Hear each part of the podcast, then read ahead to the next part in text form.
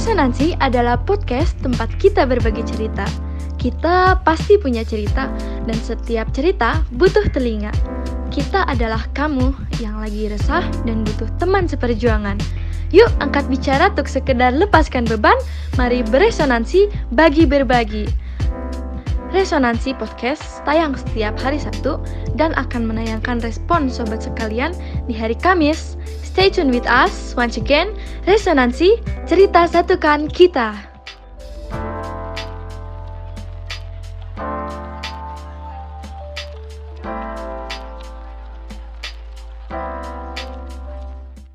Balik lagi sama kita, saya Eka dan Saya Patrick. di Resonansi Cerita, Satukan Kita. Nah, sobat resonansi. Di part sebelumnya nih di bawah umbrella Nostalgia Sekolah kita Iya. udah sempet bahas ya kita udah sempat cerita pengalaman kita masing-masing Hmm. ketika kita itu di, di sekolah itu merasa nggak salah Mhm. tapi dipersalahkan ya Siap. bagaimana kita meresponi dan pelajaran apa sih yang kita petik gitu Ya. Berikutnya saya mau explore begitu ya. Ada nggak sih pengalaman di masa lalu kita di mana kita mengerjakan suatu, kita melakukan sesuatu di sekolah pagi-pagi Hmm. karena kita sedang nostalgia sekolah. Di mana ya kita melakukan sesuatu tapi kita menyesali itu gitu. Kita menyesali itu karena Hmm. kita mungkin salah. Gitu, Ya. salah approach-nya dan kemudian kita memetik pelajaran apa yang bisa diambil Mhm. dari Pak Eka dulu. Oke. Eh tadi ya berarti ini cerita soal SD. Kebetulan SD itu saya tahun 90-an kurang lebih. Karena SMP tahun 2000 kan. Masih film sinetron itu Panji Manusia Milenium nggak salah. Ya, Di belum- SMP. Berarti Belum di SD itu masih era Dragon Ball lah kurang lebih. Nah, apa sih hal yang membuat saya rasa bersalah sampai hari ini gitu kan ya? Waktu SD itu memang saya dididik dari keluarga yang istilahnya tidak boleh menunjukkan emosi meskipun marah gitu ya. Sebisa mungkin bersikap sopan, bersikap baik sama orang begitu. Itu ajaran yang bagus sebetulnya ya. Tapi cara memahami saya salah yang dimaksud cara memahami salah itu kalau ada orang masalah sama saya ditabung disimpan. Jadi dihitung. Ini orang masalah sama saya satu. Ini orang masalah saya sama saya ini dua nih. Tiga nih empat nih satu saat meledak gitu. Ya emang pernah kejadian. Jadi waktu itu kelas 6 SD bro eh, di sekolah itu hari Sabtu kita biasanya ada kerja bakti. Jadi suka bebersih lah. Nah kebetulan kelas semua udah pada bersih ember-ember semua udah disingkirkan kan begitu. Memang saya punya satu teman yang jahil banget. Jadi ember yang masih berisi sedikit air cucian pel itu dimasukin ke kepala saya bro. Waduh. dan saya itu zaman SD paling nggak suka kalau seragam saya kotor. Kenapa? Karena e, mama saya pasti ngambek gitu. Dan saya yang nggak ngambek pun saya tahu diri. Yang namanya seragam bukan untuk dikotori kan itu kita pakai sehari-hari. Ngerti lah tahun 90-an seragam itu kita kadang nggak beli. Kita pakai bekas-bekas begituan gitu. Hmm. jadi kan itu barang yang harus dijaga gitu maksudnya. Jadi otomatis ya saya marah dong. Eh, dan dia pikir ya bahwa saya nggak akan marah gitu. Jadi dia ketawa-ketawa gitu ngejek-ngejek bahwa saya nggak akan melawan akhirnya eh, nggak tahu kali itu tuh bener-bener saya dikendalikan emosi gitu ya. Dikendalikan kemarahan. Akhirnya saya ambil kursi kursi yang mungkin dari jati karena Kayu kuat ya. kayu kuat ya kayu keras Keras. dia lagi jongkok gitu. Waduh. saya lempar kursinya tuh ke- persis ke kepala dia jidatnya bro. Ya sampai dia jungkir balik gitu ya. Nah begitu masih dalam keadaan marah juga saya ambil lehernya udah gitu saya benturin kepalanya tiga kali ke tembok sampai dia berdarah nangis jerit-jerit pokoknya nggak bisa lawan lah gitu. Karena memang itu momen yang sekejap mata gitu. Dan akhirnya ya saya dipanggil karena itu jadi kehebohan di satu sekolah dan ditanya kenapa? gitu. Lalu saya bilang ke guru kalau dia udah masukin nyemplungin eh, ember ke kepala saya sehingga seragam saya kotor. Tapi uniknya gurunya nggak marah. Saya lolos nggak dimarahin gitu. Kok bisa tuh? Karena ya mungkin tahu bahwa anak ini tuh bandel suka iseng gitu ya dan memang tahu karakter saya juga di sekolah nggak banyak ngacem gitu. Emang Cuma- nah cuma ada yang lapor ke orang tua saya kalau saya berantem di sekolah teman saya Jadi saya disiksa sama bapak saya. Dipukulin habis-habisan. Wah, itu habis semalaman. Bagaimana kalau anak itu lumpuh? Kamu mau bertanggung jawab nggak? Bagaimana kalau orang tuanya datang? Saya saya nggak akan bela. Jadi ada mungkin seminggu saya takut ya ke sekolah. Hmm. Takut orang tuanya ngambek gitu kan. Iya, Karena saya udah eh, dikasih ultimatum sama orang tua kalau sampai orang tuanya ngamuk, mama papa saya nggak akan bela gitu. Itu kan anak kecil pasti takut banget ya. Iya. Hadapin orang tua Lebih orang tuanya gitu kan. eh, sendirian lagi. tapi ya seiringnya waktu terlupakan terlupakan gitu dan sekarang kalau diingat ya saya bersalah banget gitu bro dan ada satu pelajaran yang berharga banget. Eh, apa pun yang orang tua kita ajarkan meskipun baik kita harus dengan cara pandang yang baik juga. Maksudnya menahan emosi tidak marah bukan berarti lu, lu nabungin kemarahan lu. Kan sering kali kita menunjukkan diri nggak marah tapi sebenarnya marah gitu. Padahal yang benar adalah memaafkan kan, Iya. mengampuni, bukan disimpan kan gitu. Hmm. Nah permasalahannya saya disimpan. Jadi yang saya pelajari oh iya ya, maksud orang tua tidak menunjukkan kemarahan itu bukan berarti kita dendam gitu. Tapi ya udah gitu namanya orang pasti salah. Nah cuma rasa bersalah itu nggak hilang. Dan satu kali pernah ketemu sama sama teman saya itu gitu loh.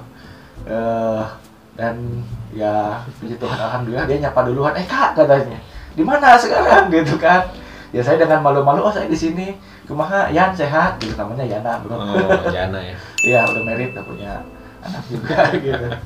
Cuma satu hal sih yang saya pelajari ya, eh ya belajar mengendalikan emosi dengan baik lah.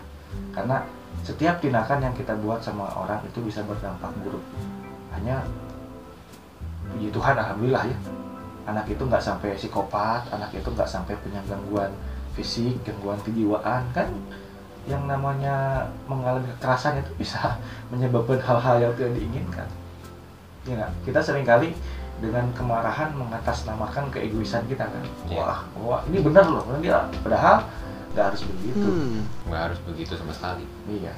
Dan bahkan mungkin kalau sekarang ada siswa yang kayak begitu ya dilaporin polisi lah, Masuk penjara pasti. masuk penjara karena udah termasuk tindakan kekerasan. Namun lagi-lagi di sini saya juga bukan pamer bahwa saya oh mukul dia dia bukan gitu loh sobat eh, resonansi. Saya cuma cerita bahwa kerap kali kita itu melakukan sesuatu yang tidak seharusnya.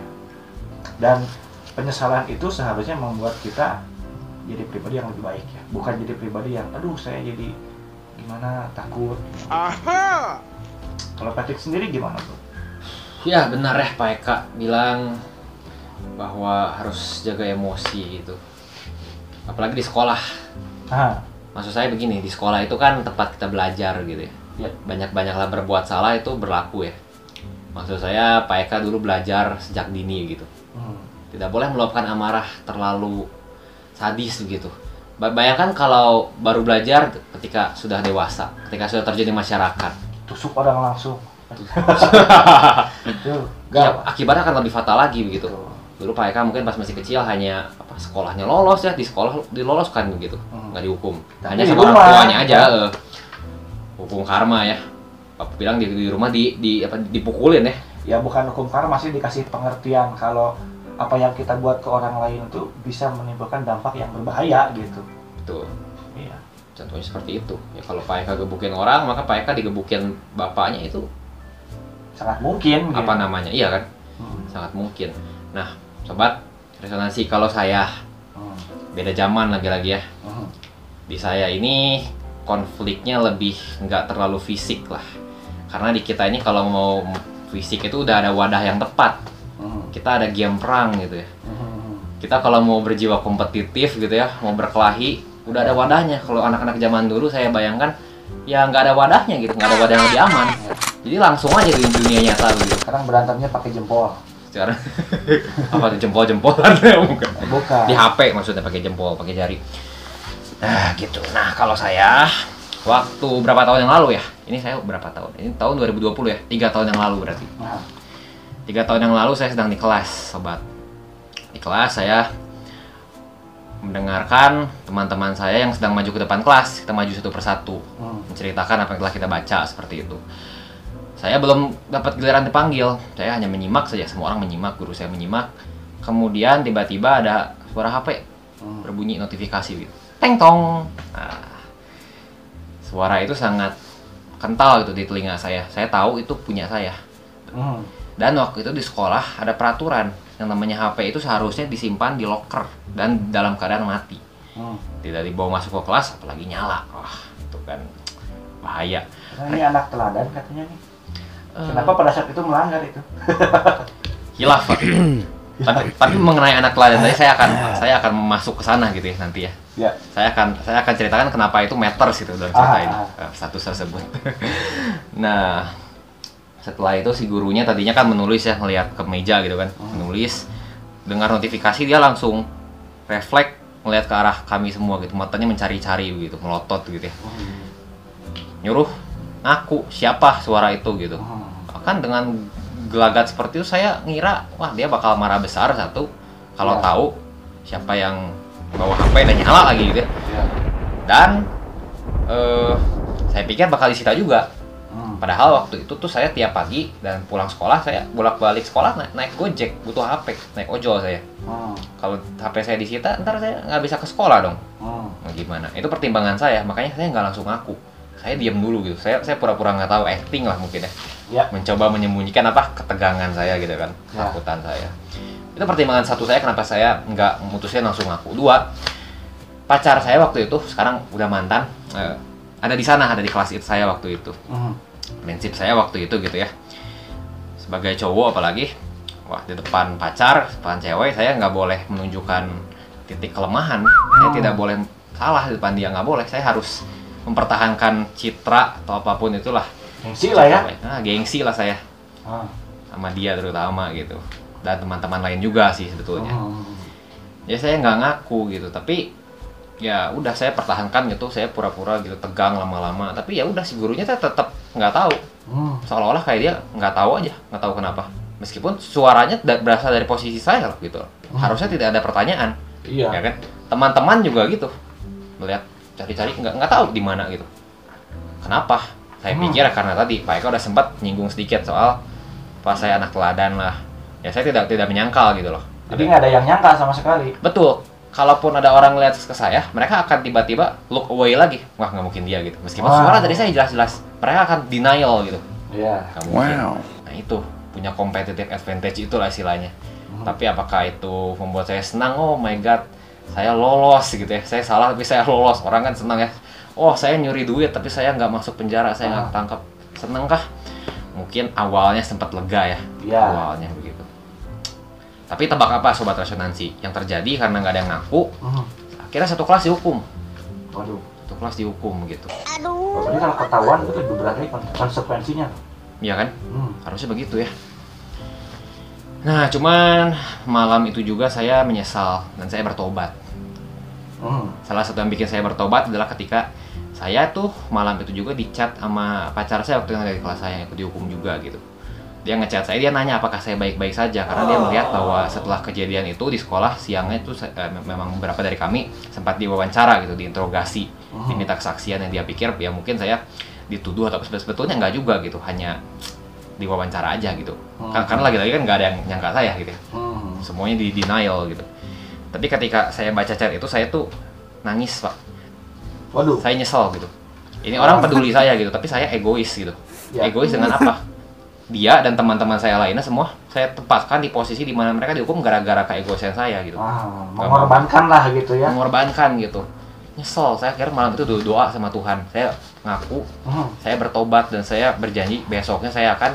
ngaku ke guru saya dan atas izin dia mungkin saya akan ngaku juga ke teman-teman semua gitu Ah.